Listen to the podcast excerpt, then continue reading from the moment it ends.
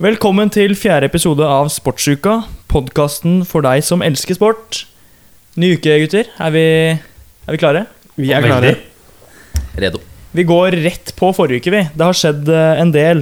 Vi starter som vanlig med fotball. Det var et eh, Mercyside Derby på lørdag.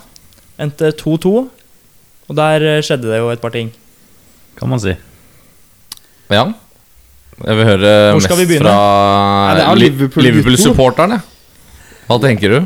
Nei Det store er jo van Dijk, da. Som er eh, ute i ja, alt fra åtte til tolv måneder. Det har ikke kommet noe Noe tidspunkt for når han skal være tilbake, men han skal ha en operasjon. Fremre korsbånd, Norge? Fremre korsbånd må eh, rekonstruere hele korsbåndet. Så ganske omfattende inngrep. Andre ord, det kan jo være karrieretruende. Dessverre. Ganske sykt når han halta litt sånn litt litt halting av banen. Det er ganske sterk mann da, når du har ødelagt kneet ditt. Ja, Det var jo en uh, forferdelig takling av eh, Pickford. Ja, den var det, ikke det er rødt Altså, det er rødt kort og det straffe. For det Ja. første. Men så blir det jo dømt eh, offside eh, først, så da Og VAR er vel inne og ser på om det er rødt kort òg? Nei, de ser Jo. bare på den andre situasjonen. De har kommet ut i etterkant nå og sagt at de har sett på om straffesituasjonen. De mente at det ikke var straffe, men Altså, nei, ikke rødt kort. At det ikke er straffe, er greit nok, for det er offside Han får vel ikke gult kort engang? Han får vel ingenting? Han får ingenting, nei. Så det er jo veldig rar dømming av VAR, da. Altså, Det er ikke noe tvil om at det er rødt kort. Det er ikke noe nytt under solen der da når det gjelder engelsk Premier League og VAR. Det er som Carlo Anslotti sa, eh, ligalederen får alltid fordeler i var. Men det er rødt kort. Det kan du gå inn og ta etterpå. Ja, altså det, det Altså, gjøres noe. er Det er veldig sånn typisk med keepere, at de blir fredet i sånne situasjoner. De kan nesten gå ut og gjøre en tilnærmet hva de vil, da uten at det blir straffa. Og altså, det er jo ei takling ja, Den er jo Den er ikke Roy Keane-nivå, men altså, den er heftig. Altså. Den er rett under. ja. Altså, han er ikke, han er ikke i nærheten av ball, for å si det sånn. Men var i hele den kampen der, da. Sånn som det Liverpool-målet, hvis man kan kalle det på slutten av kampen der, som ble Ja, wow. dømt eh, offside. Og så kommer de frem til at det som er offside, er overarmen hans. Da er spørsmålet har han i hele tatt lov til å score med overarmen. Ja, det blir for dumt. Jeg så et bilde som eh, Det var vel engelske fotballforbund som hadde lagt ut, og da var det et bilde av eh, liksom hånda med en rød sone som du ikke kan score med, og så var det liksom delt ja, sånn midt på overarmen, da. Ja, for den er kutta der oppe. Ja, så de har bare kutta På det bildet så har de bare kutta liksom Nei, en grønn jo- del øverst, og så rødt eh, nederst. Så det gir jo litt lite mening, og det er jo trist når det er sånn Det her gjelder jo ikke bare for Liverpool-kamper, men det er trist når ja, overtidsskåring eh, Og så skal Det er ingen som reagerer. Ingen Everton-spillere som tenker at ja, det her er offside. Så det ødelegger jo kanskje litt mer enn det Ja, spesielt når det er feil. For altså, dette er jo åpenbart feil. Altså, Man kan jo ikke score med armen, da blir det dømt for hens. Og hvis det skal være det som gjør at du havner offside, så er jo hele regelen ødelagt, da. Men ble han flagga? Eller var det VAR som tok det? VAR tok det. VAR tok det, ble ikke flagga. Altså, Altså, det- Alle trodde dette var mål. Det, det var ingen som var på en måte i tvil om at dette skulle offside, bla, bla, og så plutselig kom VAR inn. Så Jo, men altså For meg så er det, det er 20-30 cm onside. I hvert fall. Jeg har Ja, sett det bildet, det stilbildet av Mané Hæ? ganske mange ganger, og jeg klarer liksom ikke helt å se Nei, og Hvis noe er offside, så er det jo armen. Ja, Men så skal armen, det- det har de bekrefta òg, trener var team-greiene. At det er Ja. overarmen de dømmer på. Men Men den var innafor. Men så skal det sies da at de bildene vi ser på TV det er ikke samme som dem Nei, ser. VAR får noen he Altså, Ja, de får flere vi får ikke se alle bildene som VAR får se. Men hvor dårlig kanskje- er det, da? Altså, De går ut og sier at de skal ha full transparenthet rundt VAR-greiene, at vi skal få lov til å se alt, bla, bla. Og neste setning så sier de Men dere får ikke se samme bilder som det vi får se. Men det er full åpenhet her. Og det gir jo ingen mening. Det, Men det jeg også synes er rart, som jeg så i en annen match, var jo at det, de bildene som dommeren får se, de får jo vi se for den filmer skjermen. Og det er jo samme bildene som vi får, så betyr at dommeren òg får jo ikke da like bra bilder som VAR-rommet. Ja, og, det er veldig, veldig, ja, og det er veldig, veldig rart. ja.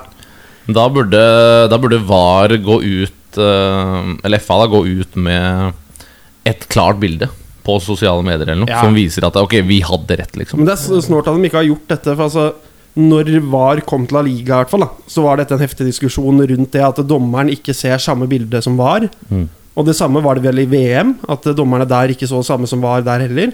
Og så har det blitt så mye klager på det, men hvorfor kan de ikke bare gi alle samme bilde, så får alle samme synspunkter. Kanskje han egentlig er i offside, da, men vi ikke har fått sett det bildet. Hvorfor på en måte, setter de seg i en situasjon hvor det er lett å klage på dem selv? Ja. Ja, Det blir jo rar sammenligning, men det blir litt sånn Flo i 98. da Altså Ingen som visste det, men du var ett klart bilde som ser at du er, han blir takla. Han blir dratt i trøya, men det blir jo ikke samme greia, selvfølgelig. Men hadde de bare kommet med et sånt bilde, så hadde på en måte diskusjonen vært ferdig. Ja, Men bare for at det ikke skal bli 100% er dette her Hva tror du om Liverpool nå uten van Dijk? Altså Hvem skal på en måte gå inn og ta den rollen? Altså Han er jo verdens beste midtstopper, eller i hvert fall topp to. Det kan diskuteres, holdt jeg på å si, men i hvert fall en av de beste. Desidert beste på laget. Du har du bare to midtstoppere igjen, har du ikke det? Vi har eh, Matip, som nå Er han ute, han ute med skade. Mm. Han sliter med en legg. Eh, og så har vi Joe Gomez, da. Og Fabinho, som kan spille. Altså det blir Fabinho og Gomez fremover, mener du? Så det ser jo ut som det blir Fabinho og Gomez. Og så skulle vi nok uansett hente en ny stopper eh, nest, ikke, kanskje, ikke kanskje i januarvinduet, men i sommervinduet. Fordi Matip er så mye skada og begynner å dra litt på åra. Ja, For jeg syns det er rart at dere liksom bare har hatt tre stoppere. Altså, Men det har jo det har ikke vært noe altså, men jeg tenker spesielt under sesongen nå, hvor man veit at det kommer til å være mye Det kommer til å bli mye kamper. At forsvarsspillere må rullere. Men Ja. finnes det noen nedover? da? Altså Dere har hatt akademi, dere òg. Vi har en uh, Reece Williams som er ah, Hvor gammel er han, da? 18-19. Som spilte en cupkamp her. Selvfølgelig, da var det jo ikke Premier League-motstand, men det er jo lovende. Men det blir jo henta en stopper. Det må jo nesten gjøre det. Men problemet her er jo at alle klubber vet jo nå at Liverpool er desperat etter en stopper, og prisene kommer jo bare til å være helt hinsides. Jeg, må jo si at jeg får litt vondt av det. Altså, han skader seg på er det, var det lørdag, Lørdag? og så stenger overgangsvinduet på fredag. Ja, så på en måte kunne få men henta en, altså, fra- det- en fra Championship. Da kunne du henta en en Det før vinduet Det kunne skjedd, Det ikke enten det er van. Dijk eller om det er Gomez eller ikke. Altså, hvis du ser på hvordan Jo, men altså At en blir skada, må man jo forvente i en i et tropp. Så man burde på en måte ha backuper på alle posisjoner. Og spesielt Liverpool, med tanke på at Klopp spiller veldig ofte de samme spillerne ekstremt mange kamper. Som gjør at det er større skaderisiko på dem òg. Sånn som van Dijk har vel spilt tilnærmet alle kamper siden han kom, omtrent. Han har mista sånn 20 minutter, tror jeg. Nettopp. Altså, har- Da må man jo forvente på et eller annet tidspunkt at han må enten ut med hvile, eller at han må ut med skade. Hvorfor har de ikke noe backup på dette her, da? Men jeg har et spørsmål til Liverpool-supporteren uh, i rommet. Nå er jeg spent. Og det er uh, Hva tenker du om liksom årets utgave? For det Nå før Nei, bare sånn generelt Det du har sett hittil. Uh, Hva skal jeg si, da? Det er jo Vi står jo enda høyere enn vi har gjort før. Og vi har stått ganske høyt tidligere. Så Og så blir jo lag Alle lag ser jo at Liverpool står høyt, og at vi skal inn bak dem. Men nå som van Dijk er ute, så tror jeg bare at vi kommer til å få sett enda mer offensivt Liverpool. Fordi hvis vi scorer fire mål, da, så slipper vi ikke inn fem. Eller fire. Men tror du ikke Selv du uten Van dere, tror du ikke du må legge dere lavere? Jeg tror ikke vi skal legge oss lavere. Så Og, dere har jo ikke noen raskere midtstoppere enn Van Dijk? Nei, kan du nevne mange midtstoppere som er raskere enn van Dijk? Nei, men, men altså, dere har jo ingen som er i poenget, altså. nærheten. Joe Altså. Gomez er i nærheten av rask, jo, eh, i forhold til van Dijk. For Jeg så jo en statistikk når jeg leste det i dag tidlig. Altså, Van Dijk har, han har, det er null stykker som har dribla han på sine 68 matcher hans, og han har nesten ingen taklinger for fordi Ja, han er jo nå. Ikke sant i det Den har hele tatt. nå, men han hadde, vel, han hadde 60 matcher eller noe sånt uten at noen kom forbi han. Men det ble jo Han ble jo ydmyka for han til tre-fire matcher Jeg lurer på om det var Ja, Minamino faktisk i Champions League som var første spilleren når Liverpool spilte mot uh, Nei, nei, ja, men det er lenge siden. Og da Ja. hadde han sånn mange Det Ja, husker ja, da hadde han liksom helt det er lenge siden, det nå. sykt mange kamper. Ja, ja. Men jeg, det jeg tenkte på, var at eh, det nivået vi så fra sett på Liverpool de siste to årene, er ganske langt ned fra, eh, fra årets utgave, syns jeg. Altså. Og det, det er ikke så overraskende, Fordi når du først da endelig vinner den tittelen, så er det ingen forsterkninger som kommer inn. Det syns jeg er tidlig å si. Altså, Jo, jo, men det er, det er tidlig. Men nå så du på en måte et slags toppoppgjør da med et, uh, um, et Everton-lag som ikke kan være bedre enn akkurat det er nå. Jo, men bare for å gi en Og likevel er vi bedre enn Everton i kampen. Så jeg skjønner ikke poenget ditt. liten- Jo, men Everton er helt med, da. Med veksel, en liten reminder. Real Madrid tapte 5-1 i starten av sesongen mot Barcelona på hjemmebane. Og likevel så vant de Champions League. Ja da. Og Så, det, så... jeg sier ikke at de ikke kan komme opp med det, men det er, ja, det er vanlig at man ser sånne ting når eh, lag som har vunnet ting, ikke gjør forsterkninger. At eh, konkurranse, konkurransen ikke er stor nok. da Der er vi uenige. Og altså igjen tilbake til Real Madrid. De forsterket nesten ingenting på de tre årene hvor de vant Champions League tre år på rad. Jo, men da snakker jeg sånn generelt, da. Bortsett fra den realutgaven der, Men som Hva var ganske forsterka vi fra sesongen vi tapte med ett poeng da mot City? Hva henta vi da? Forsterka vi noe? Nei, men da vant du jo ikke noe heller. Eller vant du Champions League, da. Ja. Men du vant vant det. ikke ligaen. Vi var ett poeng bak City og henta ingen, og så vant vi året etter. Med Hvor mange poeng vant vi med i fjor? Jo, men det er noe med den der sulten som folk sier at da må du forsterke. Når du akkurat ikke har vunnet, da er du i hvert fall tent, da. Til neste år. Thiago, selvfølgelig. Det, og det er jo kjempesignering. Men uh, jeg er litt spent nå hvordan det kommer til å se ut framover. Fordi selvfølgelig, vi kommer til å slippe inn flere mål. Selv om nå har vi sluppet inn ganske mange mål. da Altså Mm. Slippe inn syv mål mot Aston Villa. Selv om det ikke kommer til å skje igjen. Mm. Bank i bordet. Men øh, Det er jo så langt ifra skjørt fra Liverpool. da Altså Hvis du ser på City, som er den eneste seriøse motstanderen egentlig og gjennom en sesong, så ser jo dem trash ut, dem òg. Altså Du ser jo mye si City at- sleit da når de mista midtstopperen sin. da Ja, nå har City kjøpt seg ny, da. Jo, det er akkurat det. Så på en måte at uh, Man skjønner jo at, midtst at spesielt den, gode, den beste midtstopperen som i tillegg er kanskje den beste ballspillmidtstopperen i tillegg. Du så hvor mye City sleit når uh, Selvfølgelig. Altså Det er en borte. Og det var, det var et stort forskjell i laget, liksom. Så jeg vil jo tro også at det vil bli en stor forskjell på Liverpool. Og det kommer til å bli beinhardt. Det eneste Ja. jeg tenker, er at det er første gang på lenge jeg har sett på det laget som litt dødelig. Hvor lenge er Alison ute? ja, han er tilbake i trening nå. Så det er ikke så altfor ille. Men jeg er litt spent, fordi som jeg sa, vi kommer til å slippe inn flere mål. Men jeg gir ikke å høre på det at ja, men det hadde, hadde van Dijk vært der, så hadde vi ikke sluppet inn det målet. For det er ikke sånn det funker at Men det, kom, ja, nei, det, kom, vet, det kommer. Det kommer garantert.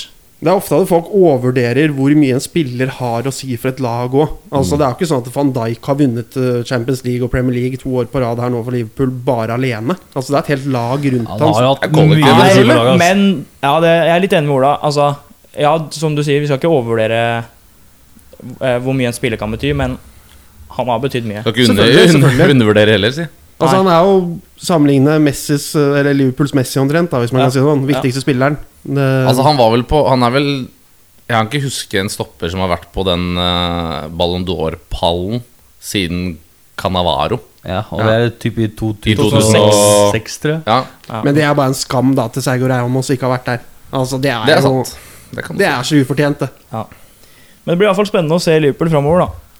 Eh, og så har laget deres gått på en eh, liten smell, Jipp. Ja. som er Barcelona. Syns det så egentlig ganske lovende ut i første omgang. Uh, Syns eh, spillet var eh, fint. Og så, etter vi får scoring imot, så er det bare helt Gir opp. Det er Ja. ingenting å ta med seg etter den scoringa. Ja, det er for dårlig, egentlig greit. For det ble Eh, 1-0, var det sånn? Ja. Ja. Men så skal man ikke gravlegge dette her helt heller. Det er Getafe, kom på fjerdeplass i fjor. Bra, taper 1-0 på bortebane. Det er ikke verdens undergang, dette her. Igjen, tidligere i sesongen. Barcelona har vært veldig opp og ned. Spilt en fantastisk kamp mot Villarreal. Ræva mot Getafe. Det går litt opp og ned, men Det er litt å forvente òg. Men, ja. Men jeg, men, men jeg syns faktisk det var ganske lovende sånn uh, banespill i den første omgangen. Altså, det er litt Ja. sånn synd at vi ikke scorer. Skaper to-tre Grismann. Må skjerpe seg, ass. Ja, men han klarer ikke å sette Så du den sjansen. sjansen? Ja. På blank. Men er det, Blåser den to-tre meter over er mål? det, var det svekka lag, eller var det liksom Nei, laget Nei. er greit nok. Nei. Altså, eneste på en måte utbyttingen som var sånn essensiell, er det at vi satt ut Fati og inn med Pedri istedenfor. Og Så vi bytter en 17-åring mot en 17-åring. Ja. Men- Pedri Fantastisk i den første omgangen. Ja, så Pedri gjorde seg ikke bort heller. Så, Osman Dembélé var jo helt ubrukelig. Ja. Da stiller jeg samme spørsmål til, til deg, Mads, som du stilte til Stian. Altså, Hva syns du om årets utgave?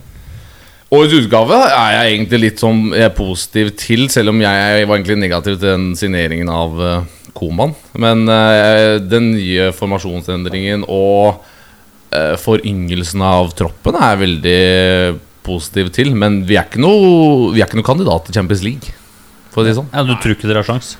Til å vinne Champions League, da skal mye eh, klaff? klaffe. Det er et par spillere som må opp på et hakk, Men han, ja Men det endrer seg fort, da. Han, Ja, altså- han 17-åringen Peder, han, eh, han har overraska meg mest. Ja. Og han som har skuffet mest, er vel de Jong. Ja. De Jong har vært skikkelig dårlig. Han har, men han, har- han, liksom, han har bare vært på banen. Ja, han har ikke gjort en dritt. Det er enkelt å greit. Det Og så, hvis vi selvfølgelig uten Ansu Fati, Finnes ikke det, det det. la man merke til. Ja. Ja, Fati er en Osman Dembélé, ja. allerede. Men er det noen skader nå, eller er det ganske Nei, det er fullt bare opp? fordi det er m- mange Landslagspause. kamper. Ja. Og Fati spilte jo det som var for Spania. Så tror jeg egentlig da Altså Pedri spilte jo nesten ingenting. Og da tror jeg Koman så på som at eh, da prøver ikke Pedri, da. Ja. Det- Men eh, ja, det, det som var den største skuffelsen fra den kampen, var jo selvfølgelig at de ikke klarer å svare på mål imot. Ja. Og Messi gikk rundt og så ut som han kjeda seg i livet. Altså. ja, det er litt dumt med Messi i år, Ja. føler jeg. Altså, han har enten så er han 100% på, eller så ser det ut som han bare Hva gjør jeg her? Ja, og da tenker han Fordi han tenker Når vi slipper inn, så tenker han ah, liksom Yet again. Ja, det, det er jo dårlig til å snakke om er som kaptein, at du har den innstillinga. Ja, så Normalt så har han jo ikke det, men det eh, laget ditt, da. ja. Men han har vel aldri vært den kapteinstypen som liksom eh, Han skriker ikke på gutta. Han eh, høyest, nei. bruker Altså, du har forskjellige kapteinstyper og sånn. Og så er jeg litt usikker på hva, på en måte egentlig hvordan stemningen er i garderoben. For vi husker det at rett etter fjorårets sesong så gikk jo Messi ut og sa det at dette laget her mangler vinnere. Altså Han sa at alle i laget her er en gjeng med tapere. De har ikke vinnermentalitet. Det er beinhardt. Ja, det er, det er ordentlig beinhardt, for han trodde han skulle dra. Han Ja. tenkte at disse gutta er ferdig med. Men han, Og- han vet jo hva som, skal, hva som kreves. så- Han vet det, men det er mange av gutta på laget som ikke vet det. Ja, ja, ja. ja, ja. Altså, men du har jo Altså, Griezmann er verdensmester, regjerende sådan. Og han Du klarer å bomme tre meter over mål fra seks meters hold. Det Ja. er helt utrolig. Men Ja. der igjen er det ikke litt skuffende at dere har hatt en av verdens beste spisser, så kvitter dere med han, og gir han bort, så å si, og så finner du ikke en erstatter? Henter ikke inn noen som tar over? Har ikke penger. For han Ja, har, han har vært sikker for 30 mål i sesongen, har han ikke det? Ish, Du har kasta bort eh, fem spillere for eh, til sammen fire millioner euro. Og det er og Vidal. Rakitic, Suárez og Semedo. Det er fordi de ikke har penger. Så. Så har vi jo bra nok, egentlig, på papiret lag. Ellers så hadde Lautaro Martinez kommet inn. Ja. Hadde vi hatt penger, så hadde vi hatt han. Enkelt og greit. Han Mm. kommer sikkert neste sommer, og vi får nå se. Det, Men det er jo, Griezmann har jo uttalt sånn i media, i hvert fall på landslaget og sånn Ja, ja. Uh, Deschamps vet hvordan han skal bruke meg og sånn. Ja, så det også en feiring hans i Frankrike-kampen. Ja. Hvor han da på en måte gjorde et eller annet tegn mot Koman på en måte at det er her jeg skal spille, ikke der borte. Og på en måte gjorde, poengterte veldig at han ikke er fornøyd med hvor han spiller i Barcelona. Men det, nå har han jo fått spille der han eh, Vil, Altså tidvis i, i kampen, og akkurat i den situasjonen så blir han spilt igjennom av en helt nydelig pasning av Pedri. Nei. Nei. Nei, Men når du snakker om at dere ikke har penger, dere henter jo uh, Pjanic for 600 millioner. Har Vi gjør penger jo egentlig ikke det. til, Nei eh, vi, gjør- vi gjør ikke det. Altså, vi gjør en byttehandel sånn rent uh, taktisk jo, men du hadde fordi- fått til det mot uh, Inter med, mot Martinez. Nei, Ola, jeg på. Ola, det som er greia her, er det at eh, Barcelona, sånn som Fair, nei, spanske fotballforbundet sin eh, FFP, altså Financial Fair Play, slutter dagen før italienske, eller så er italienske som slutter dagen før spanske.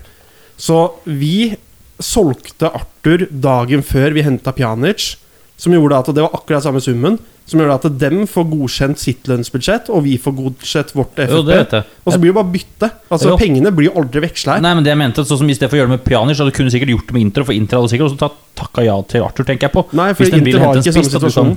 Inter Jo, men hadde altså, ikke det, in, altså Martinez har vært mye mer enn uh, Arthur.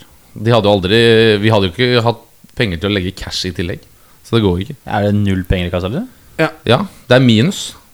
Nå er det vel eh, Altså, de balansert igjen, da. Nei, de hadde minus 200 millioner for tre uker siden. Ja. Euro, altså. Så um, det er ikke penger, enkelt og greit. De la ut det der budsjettet, eller ikke budsjettet, men regnskapet nå. Og da var det minus 200 millioner euro, pluss minus 66 millioner euro på i lønnsutgifter. Da. Så snakket du om at du skal kjøpe Neymar og sånn?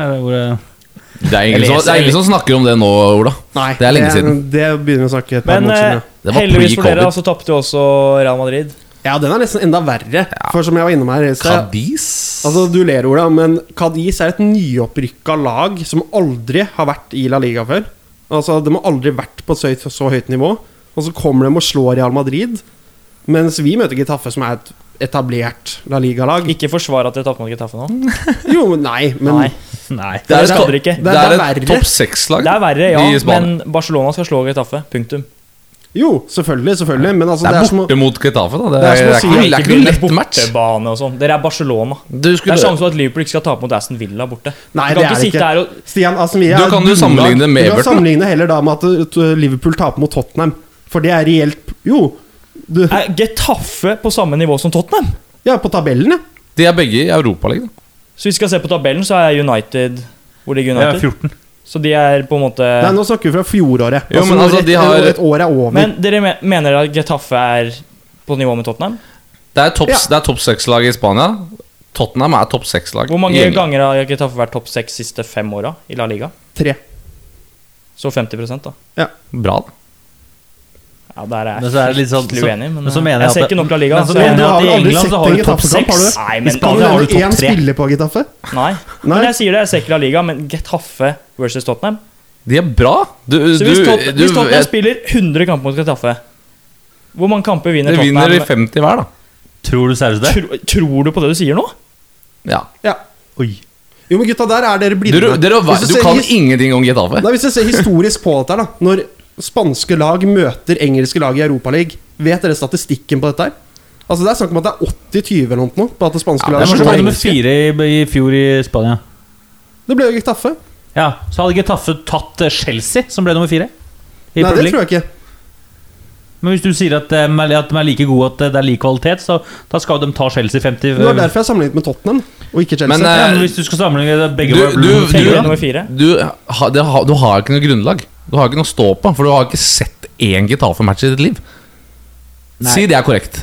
Det er helt korrekt. Ja. Men jeg vil aldri snakke om at det er Getafe blir snakka om at Ja, de er Champions League-utfordrere, de kan vinne det og det. Chelsea og Nei, men det blir jo ikke Tottenham heller, da. Nei, men snakker Chelsea, vi skal snakke om lag Nei, vi snakker om Tottenham. Tottenham var i Champions League-finalen for to sesonger siden. Ja.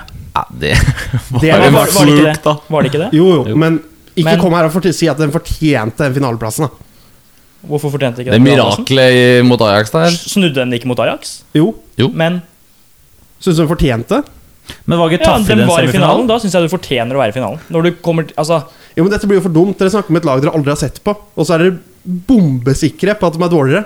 Altså Da må ja, dere i jeg, så fall jeg er Ja, er jo bombesikker på at. Tottenham slår Getafe syv av ti ganger. Ja, Vi får håpe de møtes i Ja, det håper Men igjen så har du ikke noe grunnlag for å si det. Nei, Ok, bare, bare for å ta et annet spørsmål til da Hvis Sevilla hadde møtt Tottenham Det er forskjell på Sevilla og Getafe. Nei. Det er det. Altså Sevilla og Getafe er på et relativt likt nivå. Ja, Sevilla er Spesielt årets utgave av Sevilla er et, på et relativt mye høyere nivå enn Getafe. Jo, altså, det må vi si. I fjor Altså, de vant Europaligaen. Altså, jeg mener Leicester er bedre enn en, Men nå er vi litt sånn all over the place uh, her, Jo, men vi må jo komme til bunns der. ja. Eller det gjør vi jo ikke, da. Men Jo, men altså, vi, har, vi kan komme til bunns i Se statistikken. Engelske lag møter spanske lag i Europaligaen. Ja, det er vel bare Sevilla som har gjort det bra, er ikke? Nei, det er det ikke. Nei, nei, nei. Stort sett hver gang et spansk lag møter et engelsk lag i Europaligaen, så vinner det spanske. Hvem andre Sevilla som har gjort det bra i Europaligaen? Español gjorde det bra for et par år tilbake igjen. Mallorca har gjort det bra. Du har hatt Real Sociedad har gjort det når, bra. vant, eller når gjorde de det bra i Europa? Ja, når- Bilbao. tror jeg. Det er åtte år Det siden. åtte år siden, ja. okay. Jo, men altså, innenfor den tiden så vant jo Sevilla fem ganger. Jeg husker Ja, Atletico, det er. Atletico Bilbao United Altså, det er vanskelig. rundt Ja, eh, vi- vi snakket 2009 om- der. Det ble fort altså, jeg er eh, enig i at. Sevilla er et kjempebra lag. Men jeg er ikke enig i at Getafe er eh, bedre enn Jeg har bare sagt at eh, Jeg sier det enkelt at det er et topp seks-lag i Spania, og Tottenham er det samme Dette syns jeg folk skal kommentere på Ja, vår. kommenter gjerne. Ja. Da, da, Var det hvis det faktisk er noen som hører på dette her, som ser litt eh, La Liga, så tror jeg dere kommer til å drite dere ut. Ja, Det gleder jeg meg til å høre. Ja. Altså For meg så var det ikke sånn sjokk at de slo Barca, selv om det ikke skal skje. Altså, det er flere spanske landslagsspillere på Getafe. Det er fordi dere har den derre Alle, Jo, engelsk, kun alle Premier League-folk tenker at det, det er Barca, Real, og alt under er litt sånn dritt. Ja, kanskje litt Atletico. That's it. Ja Ja, men jeg mener jo at både litt samme som Liverpool og City da, De burde slå alle lag i Premier League. Og jeg mener også at, eh, jeg mener også at Real og Barca skal pisse på alle lag. Men problemet er at dere er så kunnskapsløse her. Fordi Hadde det vært Valencia mot Barcelona, så hadde dere sagt å ja, ja ok. Men Valencia er et ekstremt mye dårligere lag enn Getafe. Men fordi dere ikke ser på spansk fotball, så vet ikke dere dette her. Så dere tenker å ja, men Getafe har jeg ikke hørt om. Jeg kan ikke en eneste spiller derfra engang. Poenget mitt er dårlig. at Barcelona og Real Madrid skal slå alle lag i eh, La Liga. det blir for dumt å si det Bortsett også. fra kanskje Eller Det blir for dumt å si at du skal vinne da. Hvor mange kamper blir det? 37 kamper i året. Hvorfor er det for dumt? Å å mange si? vant For det er ingen som gjør det. Arsenal har gjort det. Ja, hvor mange vant Liverpool? Arsenal har ikke gjort det. Altså, Altså, de 34? spilte en haug av uavgjort. Den De vant Ja, jo ikke alle de, ja? Nei, men nå sier jeg du sier at de skal slå alle Ja, lag. men Og det kan tape, de ikke gjøre. Dere skal ikke tape mot Getafe. Men det gjorde vi ikke for to år siden heller. Altså Da vant vi alle kampene utenom én. Ja. Så altså, det går jo opp og ned. Det Og må da blir skjønne. Taffe hvilken plassering? Men at Getafe varierer fra fjerde til sjetteplass de siste fire årene, det må du jo si er ganske sterkt. Ja, en gang til. Jeg hørte ikke også. De varierte fra fjerde til sjetteplass de siste tre-fire årene i La Liga. Det er sterkt, liksom. De har, de har jo egentlig vært et bunnlag Ja, altså, i de- alle år. Og så har de kommet seg opp dit år siden. og holdt seg der. Og egentlig bare blitt bedre. Men bare for å avslutte, da. hadde Bale gått til Getafe på lån? Nei, men det er fordi de ikke har råd til det. Altså Økonomien i Premier League er helt annerledes enn La Liga. Det er jo helt opp ned. Du kan ikke sammenligne økonomien til Tottenham med Getafe. Jeg ville bare avslutte der. Jeg tenkte bare for å sette Jeg tror vi, jeg tror vi avslutter der. ja. Nei! Vi må Det Vi går videre. Men eh, vi snakka litt forrige uke om uh, Inter som skulle møte AC Milan. Og vi nevnte jo at Zlatan muligens var tilbake. Og det kan man si at Muligens han var. var han også det. Zlatan! Skårte to. Holdt det. Ja. Hauge kom ikke innpå. Nei. Ikke noen stor overraskelse. Milan har ikke en konge, de har en gud, som han Ja. sa sjæl. Det var fin den lille referansen til den der tweeten fra Lukaku, som sa først at han er kongen av Milan. Og da kommer Zlatan tilbake igjen. Vi har ikke noe konge i Milano, vi har en gud. Bra mann. Småfrekt. Men uh, tenkte litt på eh, Jens Petter Hauge, som har fått ett innhopp. Har vel bare vært to kamper hvor han har vært med, da, som han har kunnet være med på. Ja.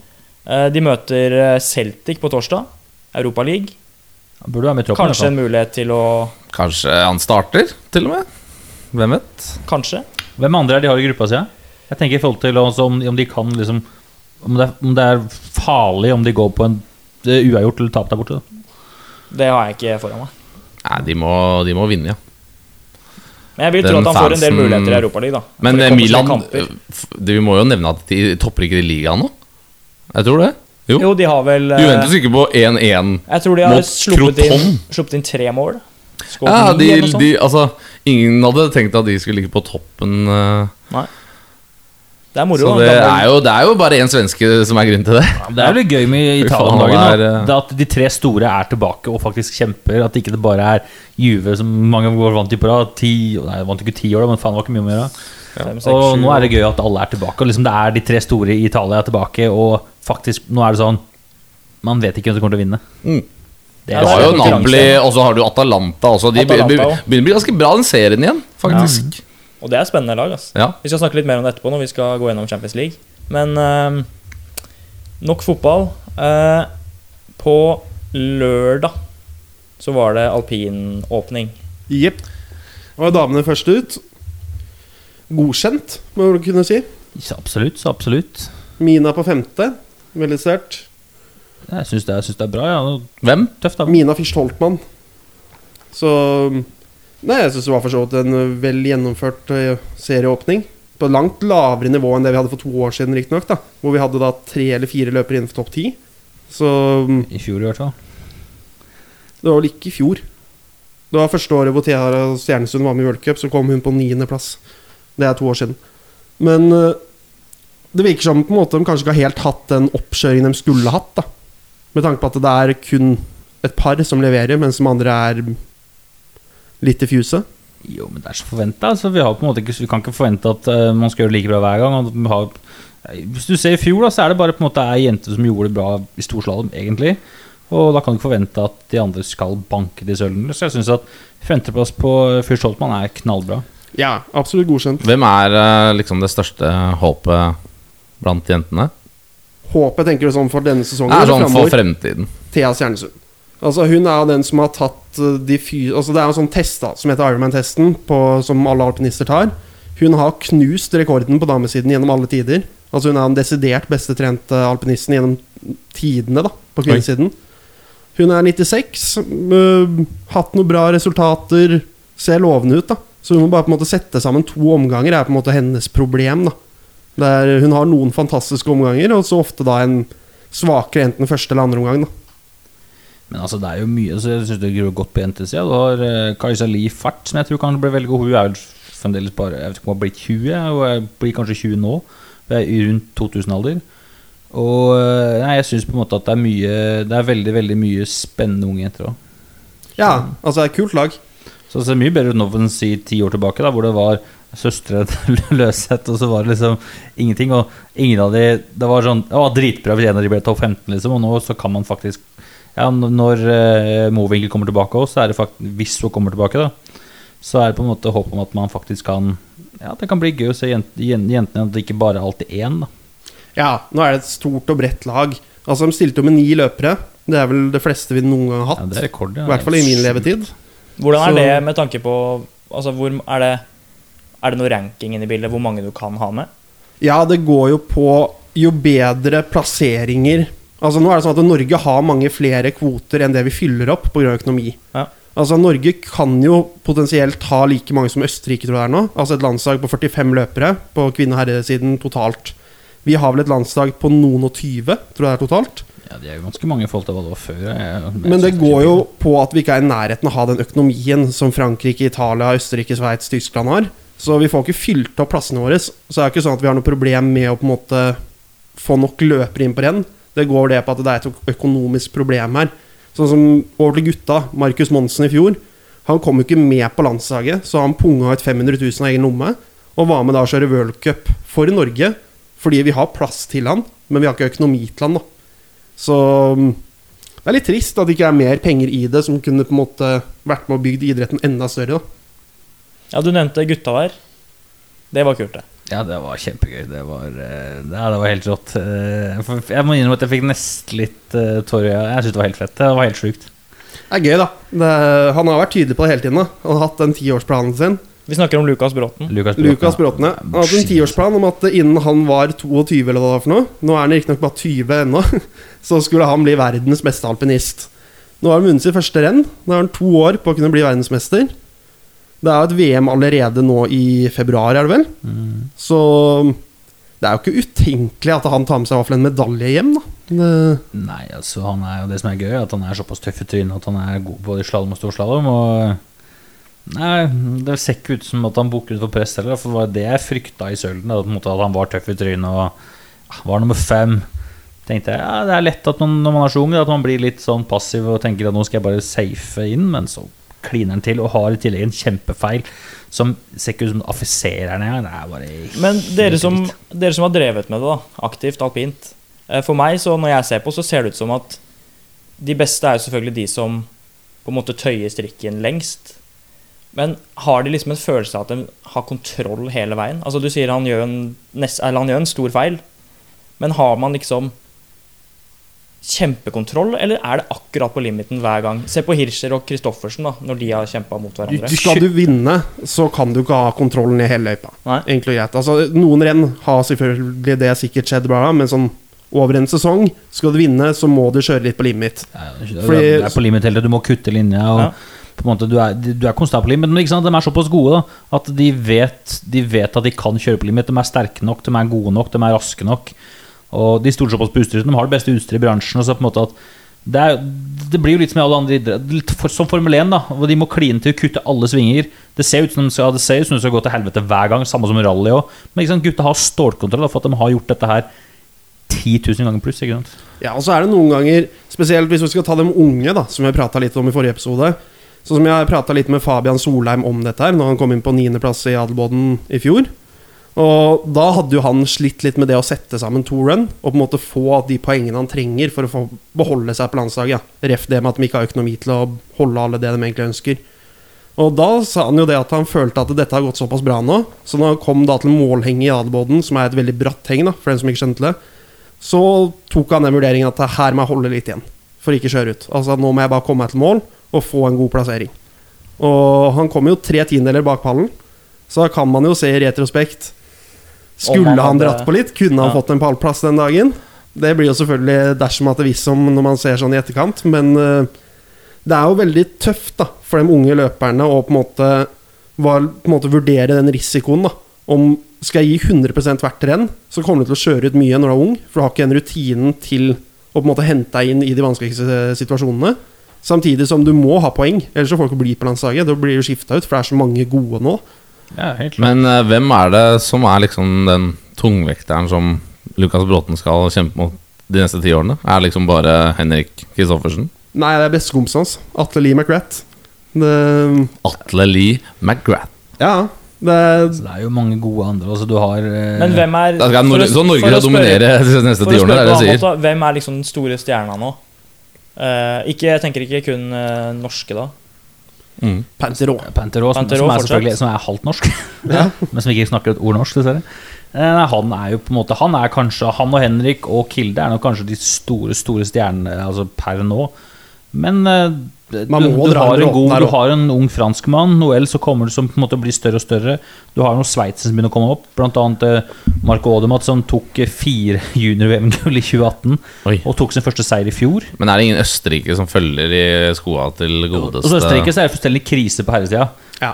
Altså, det er akkurat som at de, det er akkurat som at de glemte litt når de hadde Hirscher som måte var så stor. Hvis du, på måte, hvis du så altså, resultatet av de åra der, så var det så langt ned til nestemann. Men han var så overlegen at på en måte at det ble glemt. Altså, som nå, så ble bestemann ble han 18. Jeg kan godt hende. Men altså, Så de de har jo var topp 15, og det er helt krise på hjemmebane. Nasjonalsporten deres de har et budsjett på størrelse med langrennsbudsjettet i Norge. Og eh, nei, de er ikke i nærheten. Men jeg deler ikke helt den om at det er krise der. For altså, ja, i storslalåm så er det ikke helt bra. Du har Marco Schwartz i slalåm, som er absolutt en pallkandidat. Og så har du Mathias Maier, Kriechmaier Du har en haug av fartsløpere som kan gjøre det bra òg. Så altså, det er ikke krise i Østerrike. Men klart, når du mister tidenes beste alpinist, da, da blir det tungt, da. Det er som at Messi skulle kvitte seg Nei, Barcelona skulle kvitte seg med Messi nå. Det er stor fallhøyde òg. Ja, Sjøl om jeg syns det er en veldig rar sammenligning. men greit nok. Ja, men uh... Nei, til slutt. Uh, jeg har skjønt det sånn at nå kommer det ikke et renn til helga allerede. Nei, 14.11. er neste. Så en litt sånn kickstart på sesongen. Ja, Sølden har vært det, jeg mener det siden 1990, tror jeg det er.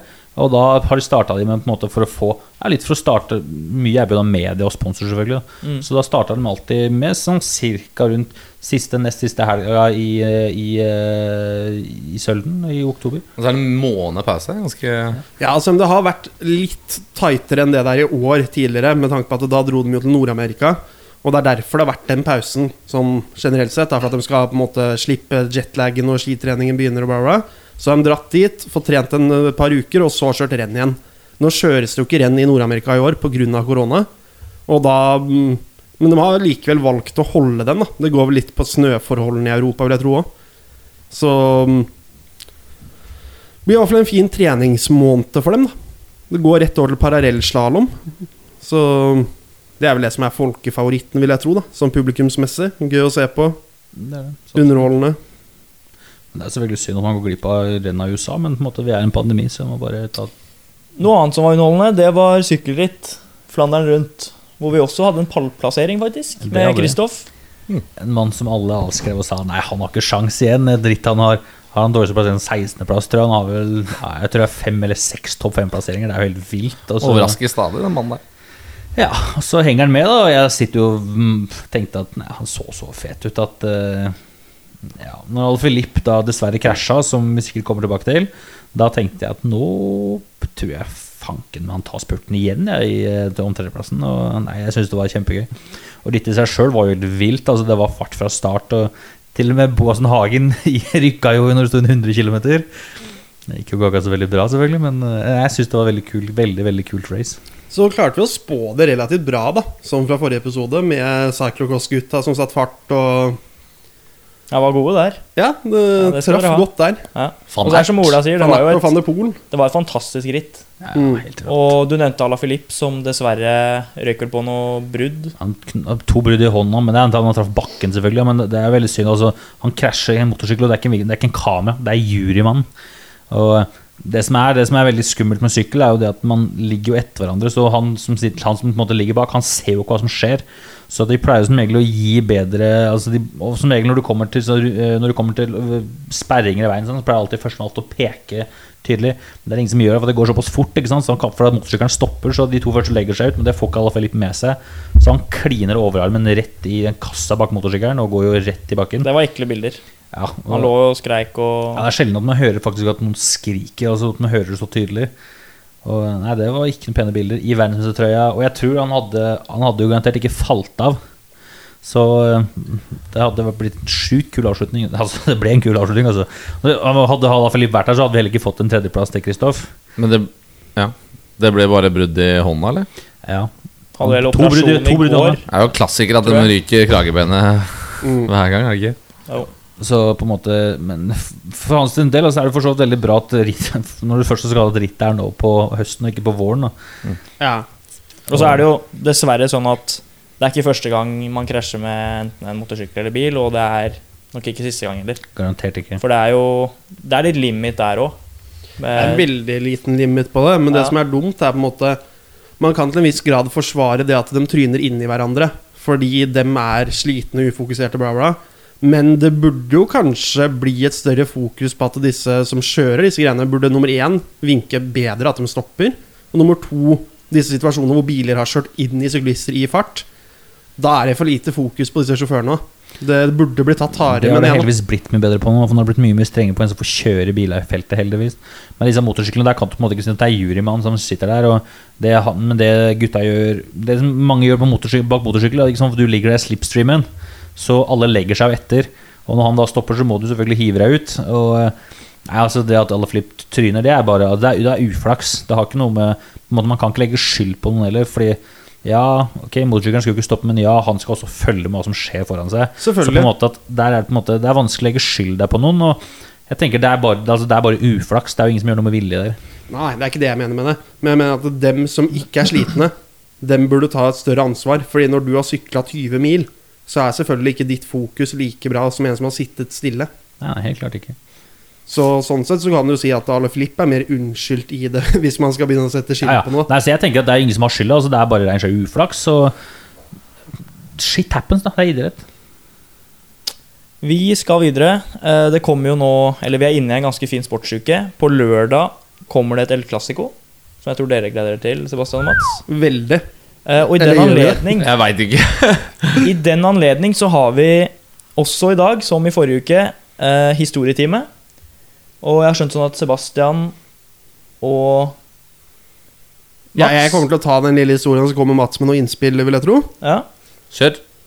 Så vi kan starte tilbake igjen. Altså, den går på hvorfor rivaleriet mellom Real Madrid og Barcelona er så stort. da Det er jo det på en måte som er bakgrunnen her. Og Det startet jo under den spanske borgerkrigen. Da mm, det er et ganske anspent forhold mellom Catalonia og Spania.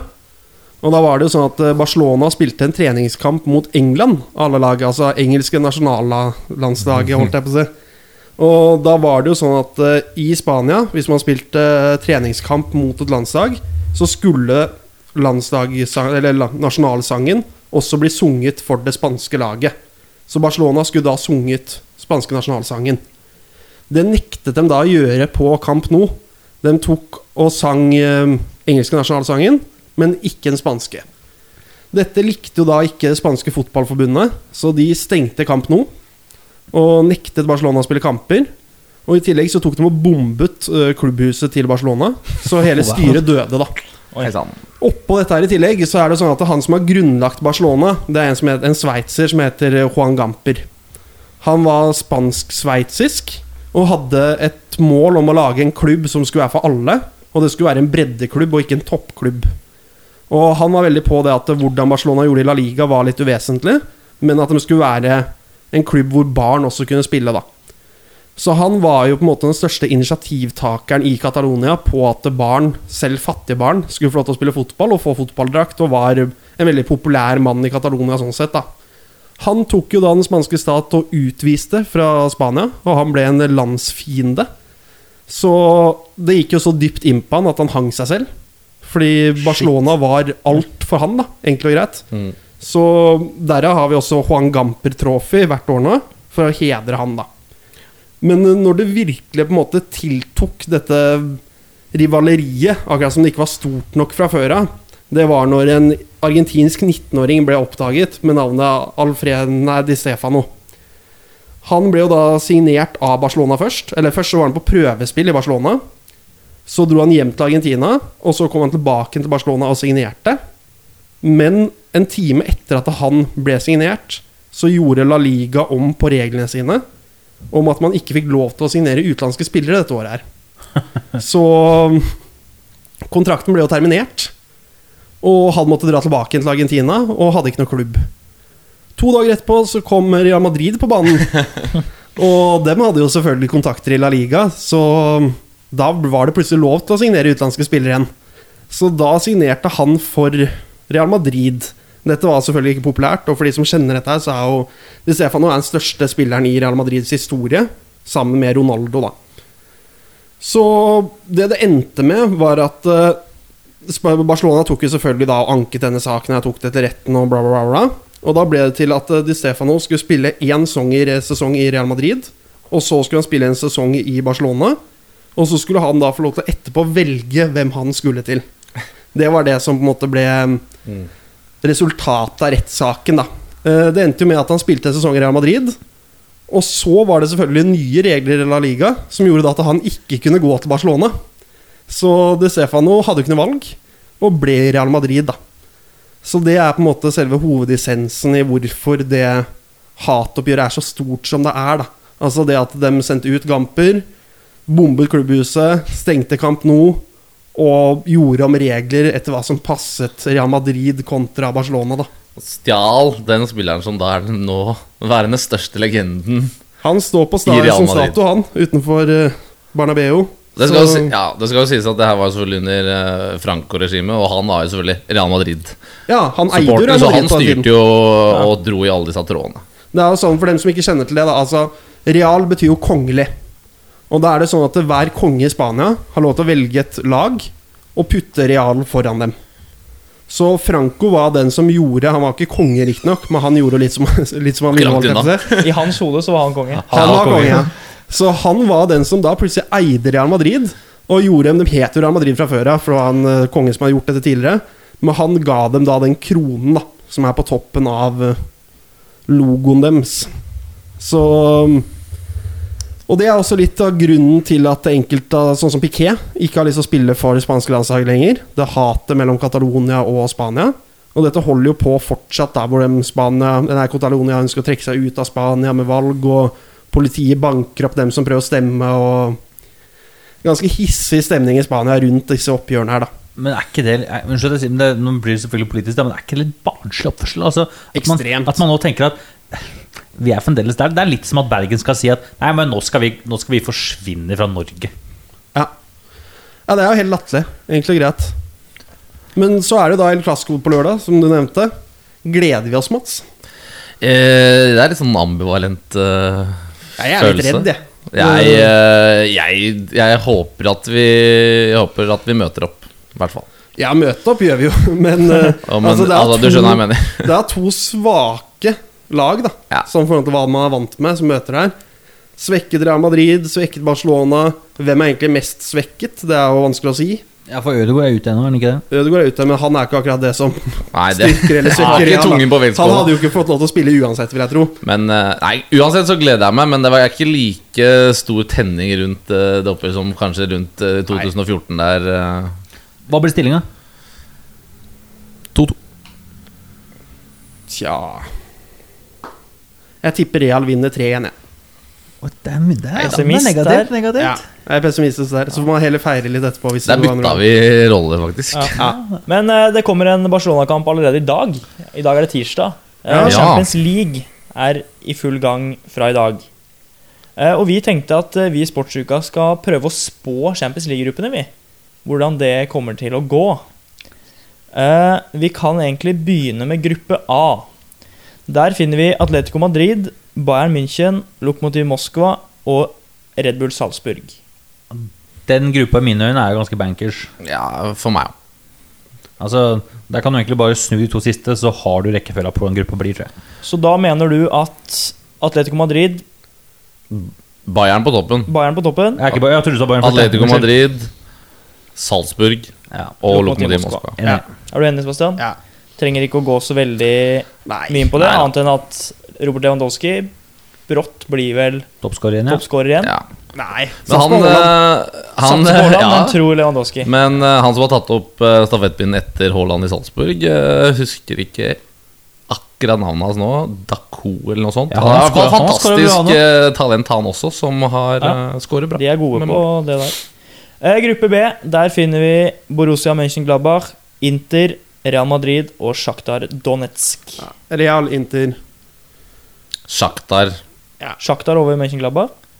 Ja. Nei, der er jeg uenig. Jeg tror Vanskelig. På. Det, er den to nederste er tettere. Ja. Det, men Ingham, Mönchengladbach har ikke vært bra på et, noen år, altså. Men eh, de er jo, de er jo i Kom, de CL, har jo kommet seg til CL, så noe bra må de ha gjort, da. Men, Men det blir eh, kniving om den tredjeplassen som gir Europaligaen, Europaliga, da. Så vi er vel enige om at eh, Real Madrid tar den gruppa. ja. Inter nummer to. si- Burde gjøre det, i hvert fall. Og Så så kan vi jeg for lite om Sjaktar, Shakhtar, Ja. Så vi, vi setter Shakhtar, vi som nummer tre. Vi setter Sjaktar. Sjaktar Shakhtar nummer tre. Gruppe C, der finner vi Manchester City, Olympiakos, Marseille og Porto. Uh, den gruppa er mer åpen. Det er vanskelig, faktisk. Det er en åpen gruppe. Førsteplassen er bankers, men de tre siste der De syns jeg er ganske Porto jevngode. har gjort en del gode signeringer også i det siste, faktisk. jeg tror Marseille kommer på ganske klar andreplass. Altså. Marseille er gode. Veldig gode, ta den, men jeg tror ikke det er jeg tror ikke det er Men eh, bankers. jeg tror Porto skal utfordre. Da. Jeg tror Ja. det som spiller uh, Men vi kan sette i Marseille på disfavør Olympiakos, er at det ikke er publikum. Jeg setter Olympiakos på Ofte siste er det i den jo- gruppa. Heksegryte nedi Hellas der. Og det blir det jo ikke nå. Nei. Men uh, City nummer én. Marseille. Marseille nummer to. Marseille Ja. nummer to. Jeg kan være med på det. Ola er med på Marseille som nummer to. Porto tre og Olympiakos fire. Ja. Gruppe D, der finner vi Ajax. Vi finner Atalanta. Vi finner Liverpool. Og vi finner Midtjylland. Der har jeg lyst til å komme en Altså, liten og, en og fire er vel ganske Her vil bankers. Sebastian komme med en brannfakkel, og jeg kan tippe at det er Atalanta. Riktig. Jeg tror Atalanta kommer på toppen. Ja, du vet da, Jeg kan sette meg Men altså, hvis jeg skulle satt penger akkurat nå, så hadde jeg fortsatt satt Liverpool på topp. Ja. Det er jeg enig med. Men eh, det er litt gøy å sette litt risiko Det er der, gøy, så jeg kan være med på en Atalanta på topp, bare for uh, moro skyld. Stian er ikke enig. Jeg er ikke enig i det, men uh, altså, Hvis du, hvis du selger deg helt på bakbeina, så skjønner jeg det. Men det Atalanta-laget ja, Atalanta ser er spennende spennende ut. Ja, ok, Gi Liverpool på topp, da. Ja, topp. og så tar vi Atlanta, Ajax og så Midtjylland. Ja, for altså, Ja. jeg, jeg mener at Ajax er ikke ute av dem heller. Altså, De kan fort komme veldig veldig an på hvordan det går. Nei, De kan ikke utfordre de to på topp. ass Sorry. Jeg tror også altså, de kan, Tadic de kan eh, utfordre Atalanta, men jeg tror fortsatt Atalanta er sterkere. Jeg tror det som kommer til å avgjøre det, er, de interne, solgt- kamp, er de interne kampene mellom dem to. Jo, Ja. men nå har de solgt Syers, de har solgt Dest, de har mista viktige spillere som var i den elveren. Ja. Og får Ajax for eksempel, si uavgjort mot Liverpool, da så på en måte så er det poenget og- et sånt poeng og kan hjelpe, men for at de, alle kommer til å banke Midtjylland. Mykkeland det blir Ajax på den de- tredjeplassen. Men det er jo fire Ja. lag som spiller fantastisk fotball. Da. Og Midtjylland skal få kjempekjepp. Ja. Men da er, vi 200 enige, mil, det får holde. da er vi enige om Liverpool 1, Atalanta 2, Ajax 3, Ja. Midtjylland 4. Ja. Og nå blir det diskusjon. Gruppe E. Der finner vi Chelsea, vi finner Krasnodar, Rennes og Sevilla. Apropos England mot eh, Spania der. Ja. Eh, jeg er selvfølgelig der er hvor, hvor Sebastian Jeg også tror Sebastian er, at jeg skal ha Sevilla på topp der. Ja. Det Sevilla-laget kan vinne La Liga i år. Vi Så skal, er ikke, Liga vi skal ikke begynne med debatt igjen, Chelsea 1. men jeg og Ola har Chelsea 1. Sevilla. Sevi, eh, Sebastian og Mats har Sevilla 1. Si. Og så Vi er må det gjøre noe ut av det her. Ja, hvem er de to siste, da, du? Krasnodar og Redden.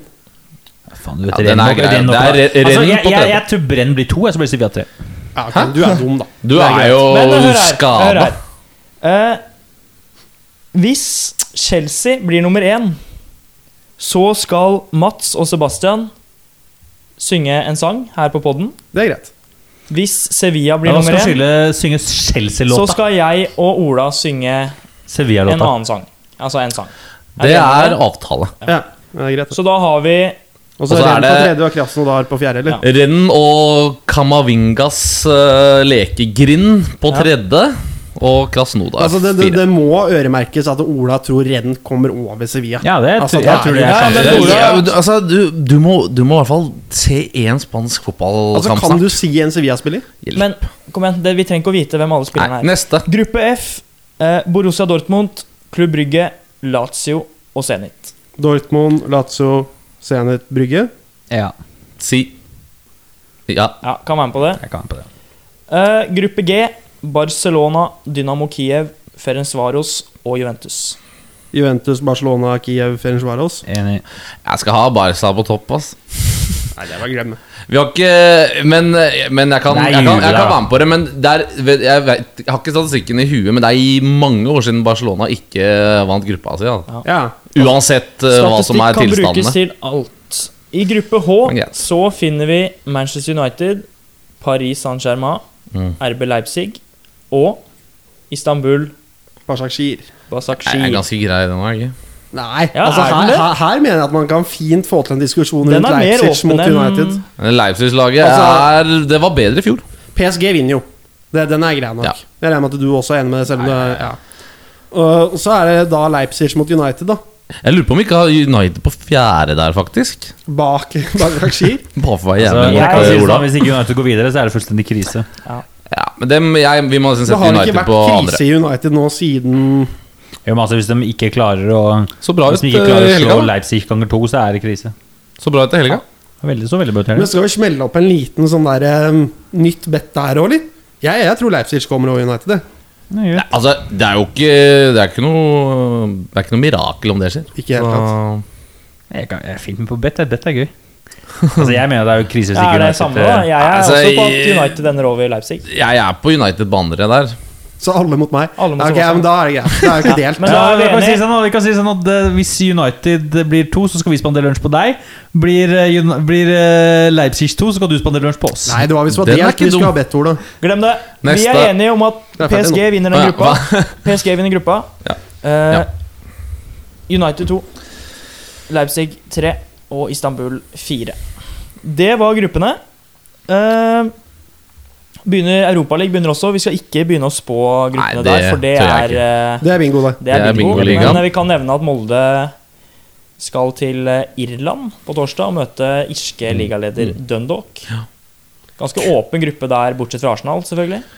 Rapid Wien og Dundalk. Kunne med seier mot uh, Ferencvaros Kvaros eh, møtt Barcelona i dag, faktisk. Ett mål, ett fattig Ett mål. mål. Ett fattig mål og 200 millioner. Uh, og så kommer det et oppgjør på lørdag, er det vel? Da Manchester United tar imot Chelsea. Ja, men det er en meget spennende kamp, syns jeg. Som jeg er meget usikker på. For sånn som jeg Bare ta kampen nå i helga. Eh, Det var 1-1 til 85. Jeg tenkte det her så trist ut. De siste 10 minutta, eller 12 minutta var grisebra igjen. Så på en måte at ja, Det der kan gå det der. Jeg vet ikke, Chelsea-laget så veldig bra ut. eh. Ja, men Chelsea-laget har vært litt som mye Det har vært veldig opp og ned, på en måte så jeg føler at på en måte føler det er ikke noe favoritt der. Og på en måte begge fort, Det kan fort bli en uavgjort. Det kan fort bli Det blir eh, nok ganske kaoskamp, vil jeg tro. Ikke noe sånn der eh, føle på hverandre jeg, Det tror jeg blir sånn der eh, Tut og kjør. Hawaii fram og Ja. tilbake. blir størst sannsynlighet eh, debuten til Kavani. Og det håper Blir jeg. Størst sannsynlighet Han kommer kom i hvert fall på benken. Jeg, tipper han, jeg tror kanskje han starter på en måte at siden eh, Martial ennå er ute, med tanke på at han ennå er i, eh, holdt på å si karantene, det er han ikke, men altså han er ennå utvist. Og eh, nei, så Nei, jeg har litt tro, altså, men jeg tør ikke ha tro heller. Vi er på, på 14.-plass i Premier League. 3-3, da. 3-3 er meldt. Det var det jeg fikk ut av, Fort bli 3-3.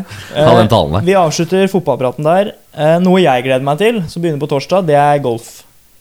Eh, So-So Championship spilles normalt i Japan, men pga. covid-19 så spilles det nå i California. Eh, og Comeback Kid. Tiger Woods Er det en kjent Deilig. bane? er tilbake. Hæ? Er det en kjent bane i Ja, tillegg? Sherwood Country Club er relativt kjent for folk som ser mye på golf. da det er en bra bane, liksom. Det er en kul bane. Ja, det er en kul bane. Som bør passe Tiger ganske bra. Og Hovland. Er dette hagen til den Tiger, eller? Nei, det er ikke hagen til Tiger, men eh, det er en veldig Eller, det er ikke en så veldig lang bane, og Tiger er ikke en av de som slår lengst. Så det handler om å få ball i fairway, og så kan du spille, spille derfra. Uh, og bare Ja. si det, uh, Tiger Woods uh, De fleste kjenner jo til Tiger Woods. Det, Burde det, i hvert fall. den store golferen, egentlig største gjennom tidene, har eh, 82 PGA-seire. Helt sjukt. Og han har spilt inn, så jeg her på PGA-toren, 120 millioner dollar. Er Over en milliard, det. Det er over en milliard, og det er kun premiepenger. Mm.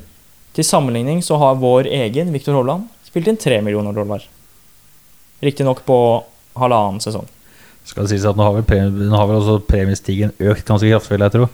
Eh, Ja. Og jeg har lyst til å teste dere. Ehm, hvor mange uker har Tiger Woods vært nummer én på verdensrankinga? Da snakker vi om totalt, ikke på rad. Det er mange. Altså, han var jo aleine på den toppen Mange, I flere er år etter at han la Jeg vi har et uh, tall her for alle sammen. 503 uker. Oi, det Ti år? Det er, det er hissig å gjette, ass. Ti år. Ja, det går Første dere kommer på. 348. 348. Ja, ta 400 blank, ja. da. Han var, har vært nummer én 683 uker. Å, herregud. okay, det er. Det er over ti år. Det tilsvarer 13 år. Å, wow. Eh, og Sykt. på det meste så var han nummer én eh, fem år på rad. Fra 2005 til 2010. Det var, da, det var denne perioden han la opp, da hvor han bare var nummer én i tre år etter han la opp. Var det da det var noe greier med kona? Det var ikke? Ja, det har vært mye greier med Tiger. Jeg tror ikke vi skal gå inn på det nå. Nei, Men det, eh, vi skal videre til 21 spørsmål. Og Ja. denne uka så er det du, Mats, som har Jeg har plukket ut en utøver, eh, gutter. Eh, Ikke gi så mye mer detaljer nå. ja, Det er vel ikke så mye mer å si at dere kommer i gang med spørsmålene deres. Kjør på med Ola, så går klokka. Da gjør vi det enkelt, da. Uh, er det en mann? Det er en mann. Driver denne utøveren med vinteridrett? Nei, Driver han med fotball? jeg kan hjelpe deg. Han drev med fotball. Ok. Har han spilt for Barcelona? Nei. Er han fra Spania? Nei. Er han fra Brasil? Nei. Ah, Dette blir vanskelig. Er han skandinavisk? Ja. Er han uh, fotballtrener i dag? Nei. Har han spilt i Tippeligaen slash Eliteserien? Nei. Med andre ord, han er svensk eller dansk. eh. Hva er det vi har? Han spiller ikke fotball i dag. Han, han, Han er opp- skandinavisk. Er skandinavisk. Er ikke trener. Uh, han er ikke Er han dansk? Nei. Som andre ord, han er svensk, ellers har han aldri Han må jo ha spilt eliteserie hvis han er norsk. Mange spørsmål har dere? Det Jeg er aner ikke. Vi teller opp til slutt. Ja, men Det er enkelt å telle. Jeg starta. Vi har kommet dit. Så vi har, vi har tatt ni, da. Ja. Så han Ja, er han svensk, da? Nei. Så han er norsk, men han har norsk- ikke spilt i Eliteserien. Ok, da tror jeg jeg vet hvem det er. Ja, si det. Ja, Gå går runden, da. Sitt, sitter han i det rommet her? Nei. Jeg spiller fotball fortsatt. Ja, faen, gjør det. Ja, det er riktig. Um, Nei, glem det. Jeg vet ikke hvem det er. nei, jeg er tom for spørsmål. jeg. Ja, finner, Prøv å finne ut hvor han har spilt, da, for eksempel. Eller finne posisjon. Har han spilt uh, spiss? Nei. Har han spilt på det øverste nivået i en liga? Ja. Og han har ikke spilt i Eliteserien. Det Nei. er bare oppklaring. Ja. Det er greit. Ja, for jeg tenkte jo med en gang Risen Riise er trener, så det kan ikke være Riise. For han har ikke spilt i Eliteserien, tror jeg. For han tror jeg gikk direkte til Monaco nå 17, så jeg vet ikke om han rakk å spille i Han spilte i Eliteserien etter han kom tilbake. Han for også, han og før, tror jeg. Så, Ja. ja. Uh, hvem spiller Eh, Jeg kommer jo ikke på hvem det kan Jeg kommer på spørsmålet. Har han trent Nord-Korea? Nei. Det var ikke Jørn Andersen. Nei. Eh, ok, har han spilt på toppnivå i Spania? Ja. Så er det norsk. Det er bare fire spilt- stykker eller noe. Det. ikke, Det er ikke mange av dem. og ikke spilt Eliteserien. Det er han som spilte for Celta Har han spilt for Celta Vigo? Ja. Hva heter han igjen, da? altså, vet jeg ikke hva det er. Nå eh, Her er vel ikke dere to to sterke Her så ikke sterke? ligakunnskapen til, men, Så er vel eh, egentlig bare jeg, én jeg mann. aner ikke hvilken tiår vi er på men hvilke spillere vi er på 90-tallet. ligaspillere har vi hatt? da? Vi har hatt uh, Bjørn Tore Kvarme. Ja. Det er Kvarme. Nei, han har spilt Nei, han har spilt i Rosenborg. Det er ikke det. Det er ikke Kvarme. Eh, Det er Kvarme, det er Martin, det er eh, eh, Dere må stille Karev. spørsmål, dere skal ikke Nei, diskutere det sammen. Selvfølgelig kan vi diskutere det. Ja. Eh, Kvarme, Demidov, ehm, Karev. Karev, Dag Alexander Olsen heter han vel, han som spilte i Valencia. Ja, eh, ja, og han krølltoppen har vært der. Var ikke han, han Dan Eggen? Dan Eggen var det. Er det Dan Eggen? Men- ja! Har ikke Dan Eggen spilt i Eliteserien? Han har aldri spilt i uh, toppserien i Norge. Oi. Det syns jeg var faktisk ganske interessant. Det var vel 20 spørsmål, var det ikke Det det? tror jeg det, Da må du gå tilbake og telle, Nei, faktisk. men, vi stilte ikke så mange spørsmål, vi begynte å diskutere. Nei, men den er fin. Den er veldig- eh, det ikke dum, den er- er dum, den Men vi begynner å gå tom for tid. Helt til slutt Oi! så skal vi gå gjennom tippelappen. Deilig Segmentet der. hvor vi velger ut eh, to spill eh, som vi har troa på. Eh, og vi hadde jo forrige uke hadde vi jo noen spill hver. Kan begynne med Ola. Hvordan gikk det med deg forrige uke? Meg gikk det veldig veldig bra. Eh, Jeg tapte selvfølgelig Salford, klarte ikke å vinne som jeg hadde. Men jeg satsa jo på Marco Odemat som vinner. Han med tolv i odds. Ja, Han ble nummer to, så jeg banker inn seks poeng. Seks poeng til Ola.